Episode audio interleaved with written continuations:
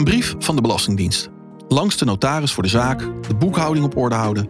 De meeste van ons worden niet heel erg gelukkig van de administratie die een eigen bedrijf of zelfs een baan in loondienst met zich meebrengt. Er zijn mensen van wie de vraagstukken zo complex worden dat ze mensen in dienst nemen om dergelijk administratief gedoe uit handen te nemen. Maar vanaf welk bedrag heeft zulke ondersteuning zin? En wat kunnen die ingehuurde mensen dan allemaal voor je doen? Nienke Bolle en Maartje van Kasteren zijn allebei partner bij Providence Capital. Samen zwaaien ze de scepter over het multi-family office. Welke uitdagingen hebben hun cliënten en zijn er ook cliënten die ze niet willen hebben? We gaan het vragen. Welkom bij Serieus Vermogen, de podcast van Providence Capital. Mijn naam is Karel Zwaan.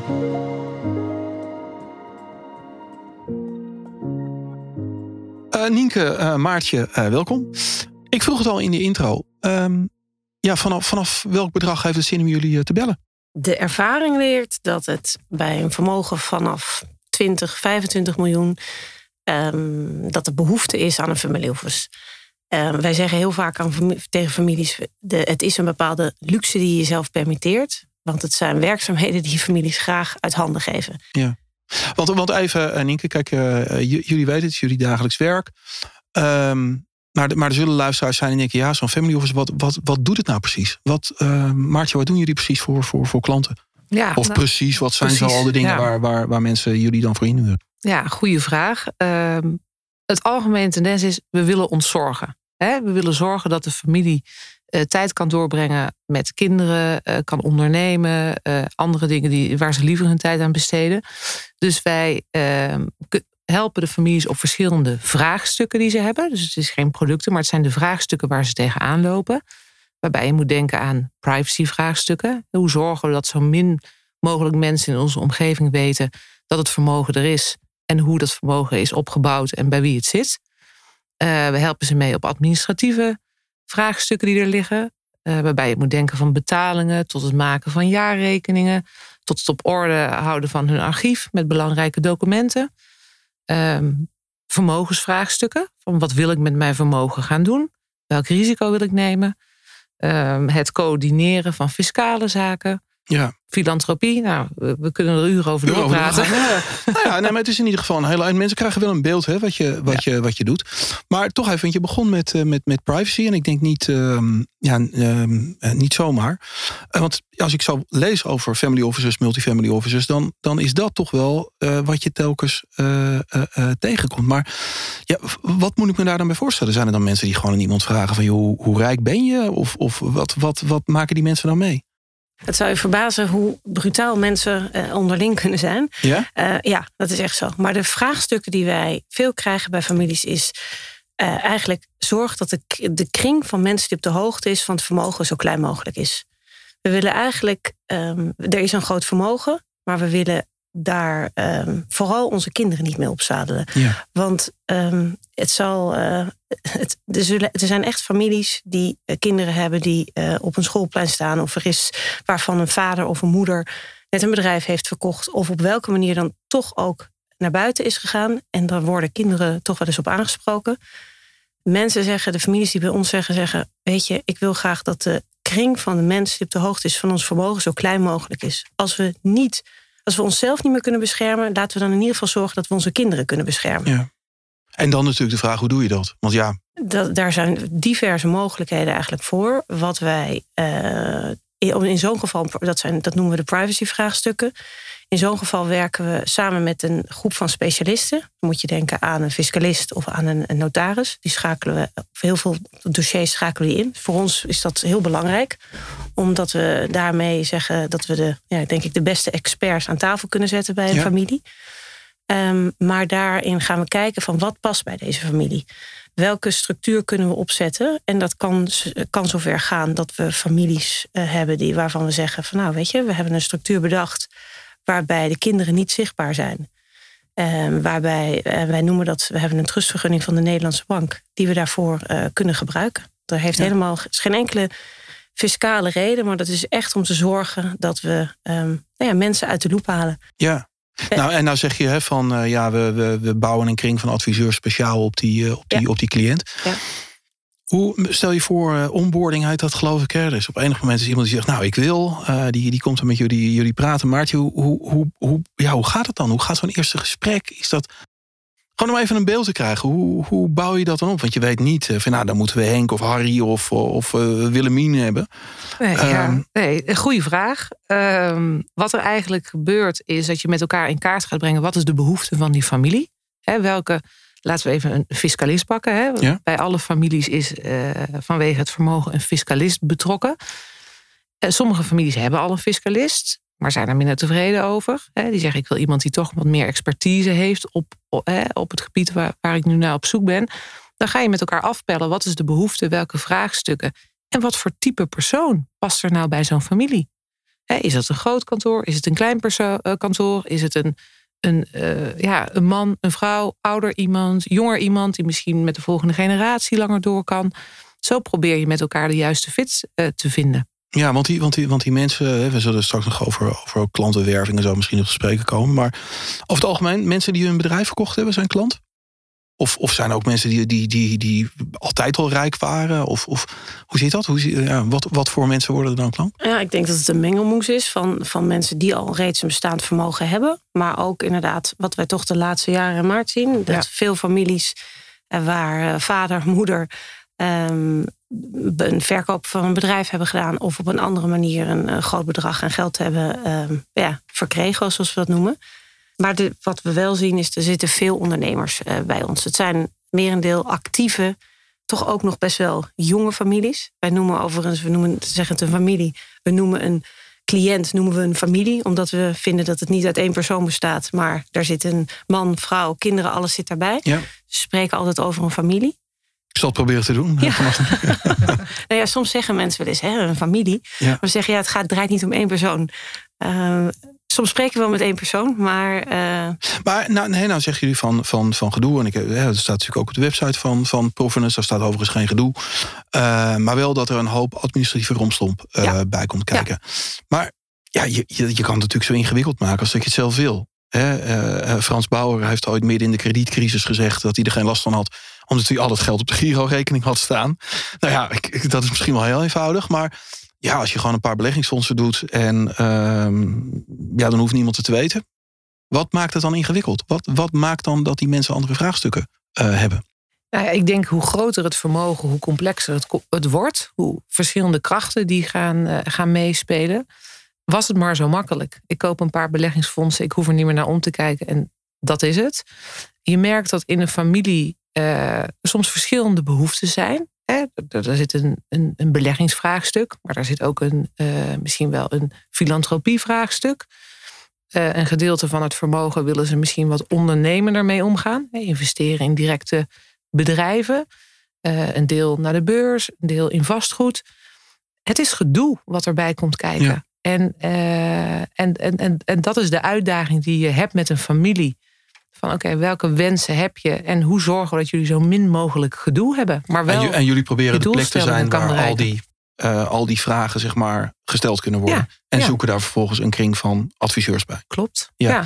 Nou hebben we het aan de ene kant over privacy, hè, maar uh, tegelijkertijd ingegeven door uh, regelgeving moeten jullie ook heel veel vragen aan je klant stellen. Hè. Dat know your, your customer, -hmm. KYC, hebben jullie het altijd over.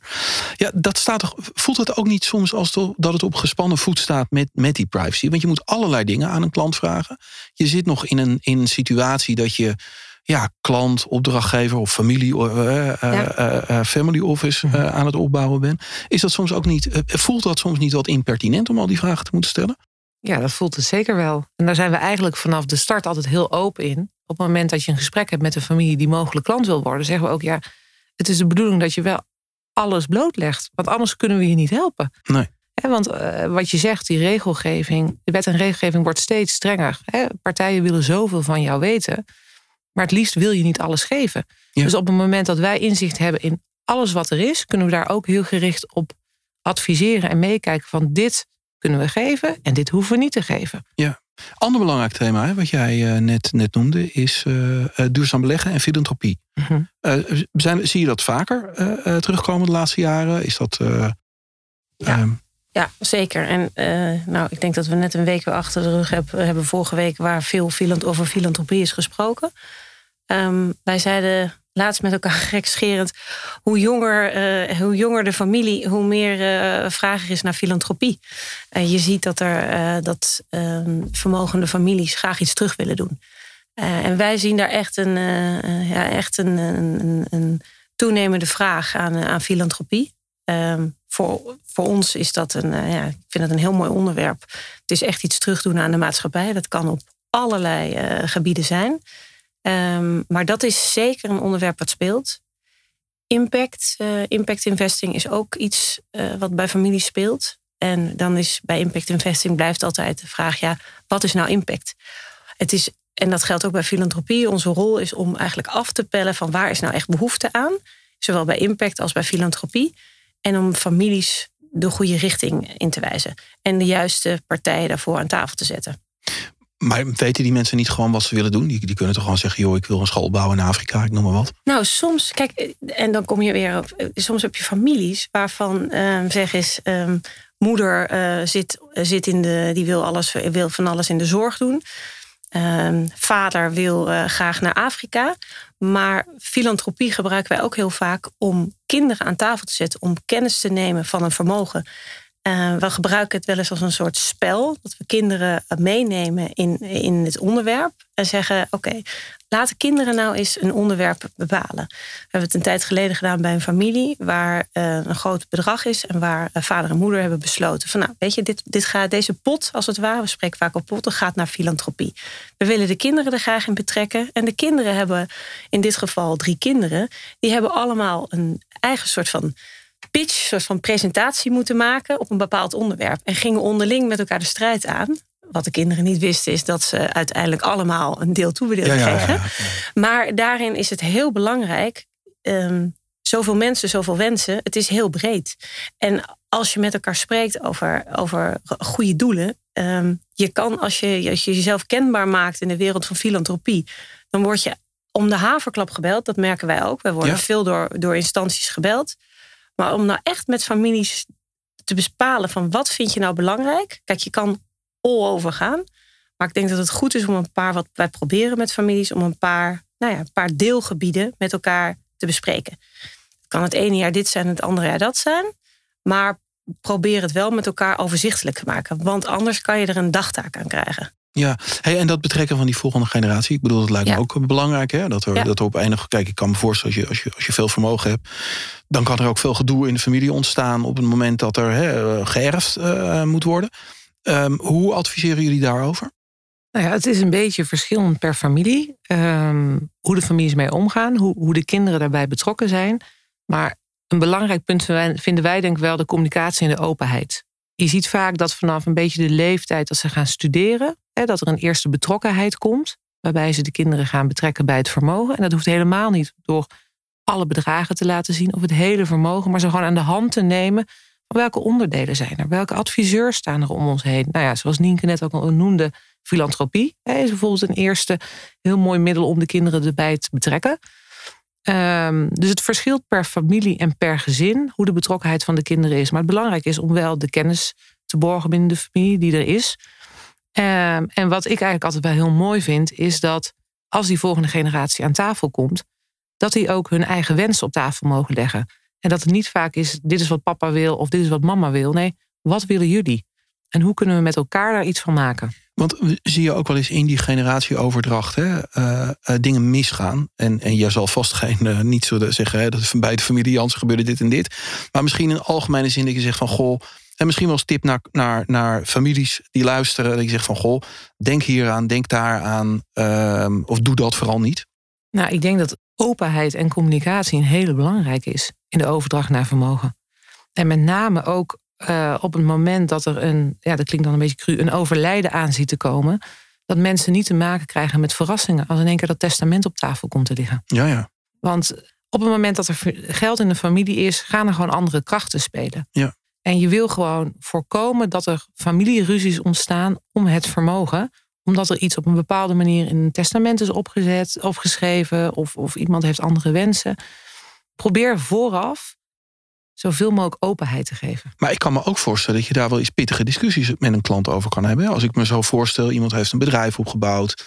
Ehm, nou, dat, dat, ik, het is heel generaliserend gesproken, maar over het algemeen mensen met een sterke wil. Mensen die echt iets gepresteerd hebben. Die pot met geld, noemen we het maar even, die, die, die staat daar. Ik kan me voorstellen dat die misschien wel zo lang mogelijk die teugels uh, in handen wil houden. En dan ga jij zeggen, ja, openheid. En dan zeg ik, om de dode dood niet. Ik ga die teugels niet loslaten. maar heb je dat soort gesprekken? Ja, dat, ja, tuurlijk. Dat kom je wel tegen. Dat kom je zeker tegen. Mensen die over hun graf willen regeren. Of dingen al dusdanig zo hebben ingericht dat er relatief weinig flexibiliteit is. En, en dan is natuurlijk, ja, ja, zo mot het en zo, zo wil ik het. En dat is natuurlijk aan ons om dan die gesprekken met elkaar aan te gaan. Met die personen, die mensen eromheen. Om te laten zien hoe het ook eventueel anders is. Of hoe het over kan komen op de kinderen. Kijk, bijvoorbeeld een voorbeeld van een familie. Hè, die hebben bijvoorbeeld een bewuste keuze gemaakt. Overdracht van de kinderen. Om dat relatief laat te doen. Hè, op het moment dat de kinderen veertig zijn. Werd bij een bepaalde familie pas gezegd dat er vermogen in de familie was. Een bewuste keuze, omdat ze zeiden: dan hebben ze hun levenspartner gevonden, ze hebben een opleiding achter de rug, ze hebben een baan en ze hebben eigenlijk hun eigen leven gekozen, hun eigen pad, zonder dat ze wisten dat er vermogen was. Ja, ja. En, en bij die kinderen, bij sommigen was het wel van: goh, maar was het vertrouwen er dan niet bij ons, papa, man? Waarom heb je dat niet eerder gezegd? Dus Terwijl er juist een hele duidelijke filosofie. Maar die hebben dus altijd gedacht, nou, er zal wel ergens wat geld zijn, maar ja. is er nooit ja, dat het zoveel Ja, ze wonen in een mooi huis, ze gingen meerdere keren per jaar op vakantie. En er werd dus ook heel bewust, werd dat vermogen weggehouden bij de kinderen. Ja. Maar een bewuste keuze. Nou ja, op zich natuurlijk wel, uh, wel, uh, wel, wel, mooi. Um, nou, nou is het natuurlijk zo, wel sprake over privacy en dat soort dingen. Dat, dat heeft ook een keerzijde voor jullie. Want uh, family office, multifamily office als Providence Capital. Natuurlijk ook gewoon een commerciële instelling ja, nieuw, nieuwe klanten. Ehm, kijk, een private bank kan nog denken van nou, we gaan een bepaalde wijk in. Um, en, en van nou, daar, is, daar zal het inkomen is zo hoog. Daar, daar zitten voor ons wel, eh, wel, wel prospects. Ja, jullie zitten in, in een. Hè, zoveel zullen er niet zijn uh, in Nederland. Uh, hoe, hoe kom je aan nieuwe klanten? We gaan niet van uh, flyer tot flyer in uh, bepaalde nee, dat dacht ik ook al niet. Nee, nee, nee, nee. De postcode loterij kan je valt binnenkort weer. We gaan even kijken waar we gaan flyeren. Ja, ja. ja. Nee, maar heel flauw. Het, het, het, het, lijkt me wel het, moeilijk om, om aan nieuwe klanten te komen. Om aan nieuwe families te komen. Nou, de families, eigenlijk hoe de families bij ons komen, is um, via bestaande families. Dus men spreekt toch met elkaar van: Goh, hoe heb jij het nou? Hoe heb jij dit geregeld? Um, we krijgen ook um, nieuwe, nieuwe, nieuwe dossiers van uh, bestaande adviseurs. We hadden het er net al even over. We werken nauw samen met uh, partijen als fiscalisten, notarissen, partijen in de filantropie. dat zijn, deze mensen bedienen soortgelijke families. En uh, hebben wel eens aan de hand van, goh, weet je, dit is een familie, hier is een verkoop aangaande. Of, of ze, zitten, ze zitten bij een bepaald kantoor en dan zeggen, ja, weet je, ze, ze hebben eigenlijk behoefte aan een andere type dienstverlening. Um, zo krijgen we vaak verwijzingen. Dus, uh, het en, en, wat zeggen die dan? Wat, waarom jullie? Want er zijn meerdere multifamily officers. Waarom we zeggen soms, ja. Nou, dat zal je vast wel eens horen. Je moet naar hun toe, want. Nou, omdat uh, wat we laatst terugkregen, zeg joh, weet je, jullie, we hebben, ik heb gehoord, kreeg had laatst een, een prospect meeting en die zei, joh, ik heb gehoord van een andere familie dat ik zal hier bij jullie zijn als een vis in het water. Ik ben vergelijkbaar met andere type families en jullie uh, jullie zijn deskundig op het gebied. En nou laatst, en ik vind dat eigenlijk een, heel, een beetje een flauw, maar laatst kreeg ik ook te horen van nou, en uh, eindelijk is er eens een partij waar twee vrouwen aan de roer staan, ja, ja. aan de family office. Nou, ja. dat denken wij van, nou ja, weet je, dat moet niet uitmaken. ja. Um, maar ook die krijgen we wel eens terug. Ja, en um, hè, want, want binnen die, um, die, die, die, die kring van adviseurs, zeg je, die, ja. die is daar heel belangrijk ja. bij. En nou, nou, ik probeer het heel goed te begrijpen, hè, want uh, ik snap wel dat je, dat je dan ongetwijfeld met een aantal fiscalisten, notarissen uh, werkt. Maar in die end is een notaris toch een notaris? Ja, dat, dat ben ik niet. Dat, ik snap dat je dat zegt. Maar je hebt in dat zowel een fiscaliste als in een notaris, daar heb je natuurlijk ontzettend veel partijen.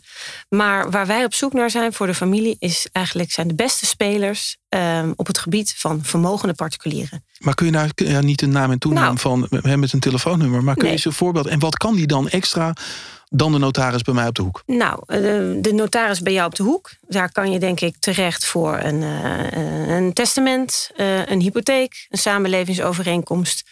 Maar op het moment dat de, notaris of fiscalist te maken krijgt met een groot vermogen, wat uh, verdeeld zit over een, soms een kerstboom van bedrijven, maar ook echt daadwerkelijk actieve ondernemingen, dan wordt, worden de, de casussen die spelen, die worden complexer. Daar zijn niet alleen, vooral voor notaris er zitten niet alleen juridische, daar zitten fiscale aspecten aan. Hoe ga je hiermee om?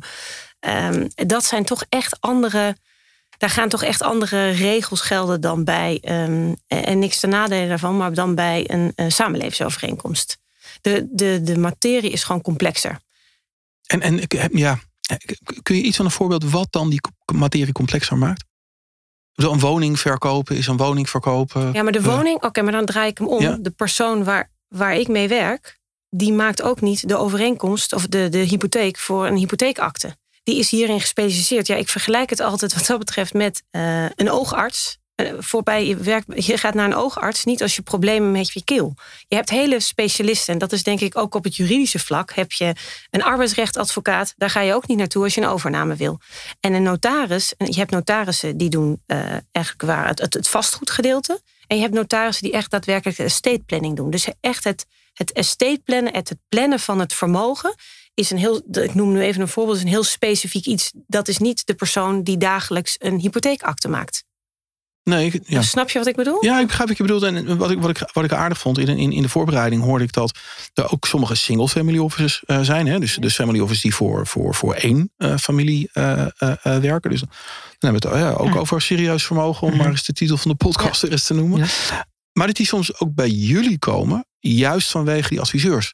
Hoe zit dat dan? Nou ja, ik denk bij een single family office werk je inderdaad voor één familie. Daar staat een aantal adviseurs omheen die dat voor deze familie doen. Wij werken voor meerdere families en iedere familie heeft eigenlijk weer zijn eigen adviseurs. Hè? Fiscalisten, notarissen, uh, accountants, nou, noem maar op wat er bij kan komen kijken. Dus wij werken met heel veel verschillende adviseurs. Waarbij we natuurlijk ook heel veel leren of zien als bij familie A dat het heel goed werkt. Dat we denken, nou, dat kan bij familie B ook wel interessant zijn. Terwijl bijvoorbeeld die fiscalist dat niet noemt. Kijk, dan brengen wij dat op.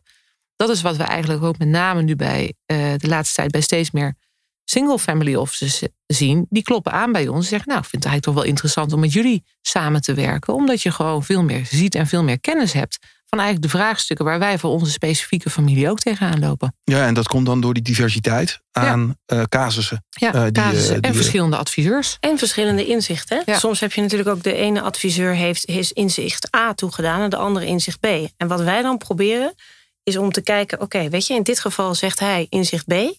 Maar zou inzicht A ook nog iets zijn? Zodat we eigenlijk altijd het optimale voor de familie eruit halen. Ja, precies. En we merken dat dat bij de familie, ook bij de fiscalisten in dit geval, en waar we veel mee werken, uh, die vinden dat zelf ook fijn. Want dat betekent dat ze al gelijk met iemand spreken die wel wat kennis van zaken heeft daarover. Zeggen, hé, hey, dat is eigenlijk wel zo'n goed punt. Laat ik dat eens op die manier meenemen. Dus we gebruiken, denk ik een beetje, we gebruiken de kennis en kunde die we bij de verschillende adviseurs halen gebruiken we voor de families. En die zetten we zo goed mogelijk in. Ja, en, en hoe zit dat tussen jullie en, en, en bijvoorbeeld de grootbanken? Want die hebben natuurlijk ook allemaal uh, wealth management. Nou, dat, dat loopt door tot, tot, tot in jullie uh, uh, doelgroep. Is, dat, mm -hmm. is dat een concurrent? Is dat, werken jullie daarmee samen? Is het allebei? Nee, daar werken we mee samen. Ja. Um, ik denk de dienstverlening die wij als family office bieden, ja, dat bieden, bieden de grootbanken niet op, op zoveel verschillende vlakken. Dus ik denk dat je, elkaar, dat je het moet zien als een groep van mensen die om een familie heen staat. Ja. Ik bedoel, wij, wij hebben geen bankrekening, we hebben geen bankvergunning. Dus ja, je zult altijd met verschillende partijen, met verschillende banken in binnen- en buitenland samenwerken voor een familie. En, en ook daar weer, wat is de beste partij en de beste offering? Ja, en altijd, en dat hebben we, nou, zo spreken we ook met banken, altijd zorgen dat we met elkaar het optimale bereiken voor de familie. En daar betekent ook als je inderdaad een bank, waar zeg in, de, in heel basic een bankrekening nodig hebt, Um, dat kan de bank verzorgen. Maar het doen van de administratie kan de bank niet verzorgen. Dat kunnen wij weer zorgen. Als we maar met z'n allen voor ogen hebben dat we, dat we maar één ding doel hebben en dat is de familie goed bedienen. Ja, en, en nou, nou, nou zal hè, risicobeheer is natuurlijk ook is er zo'n ander containerbegrip waar het, waar het altijd over gaat zodra we het over vermogen en, en, en vermogenden hebben. Ja, hoe, hoe ga je dat gesprek met families aan? Want ik kan me voorstellen dat je, hè, jullie, jullie nemen een hoop gedoe weg, zoals ik het in mijn woorden dan maar. Dat mensen eigenlijk ja, het liefst niet. Doe je dat dan één keer per jaar? Of heb je twee keer per jaar een gesprek? Is dat vol continu dat je met elkaar over risico's praat? We, hebben, we zitten met veel families, hebben we kwartaal, kwartaalbijeenkomsten. Um, en dat is ook afhankelijk van de, van de wens van de familie. Maar je ziet sommige families die spreken we, nou ik wil niet zeggen dagelijks, maar sommige spreken we meerdere malen per week. Het is belangrijk. Eh, je hebt het over risico's. Ik denk dat de uh, familie komt bij ons binnen en die rol die moet groeien. Het vertrouwen over en weer moet groeien. En naarmate je verder komt, spreek je ook steeds over veel meer onder, over steeds over verschillende onderwerpen, maar spreek je ook over risico's. Kan je over en weer ook met elkaar kan je ook zeggen van joh, wat je, zou je dit nou wel doen of zou je dit niet doen? Maar over het algemeen spreken we, we, we, zitten met families gemiddeld één keer per kwartaal. Laten we um, man of vrouw en kinderen aanschuiven. Maar ook weer, dan kom ik weer, adviseurs aanschuiven. Zodat we een compleet beeld hebben. En zien we hier iets over het hoofd. Zijn er risico's waar we, waar we op moeten letten? Heb je, heb je overigens eh, favoriete uh, uh, soorten, nou, niet favoriete families, maar heb je favoriete soorten families?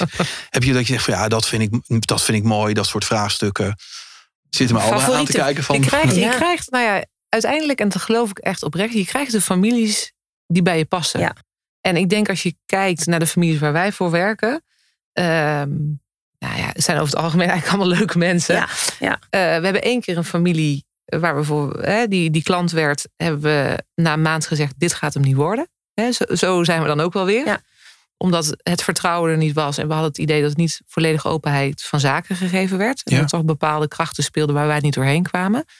Dus dat geef je dan terug. Maar over het algemeen werken wij voor heel leuke families. En vooral ondernemende families. Ja.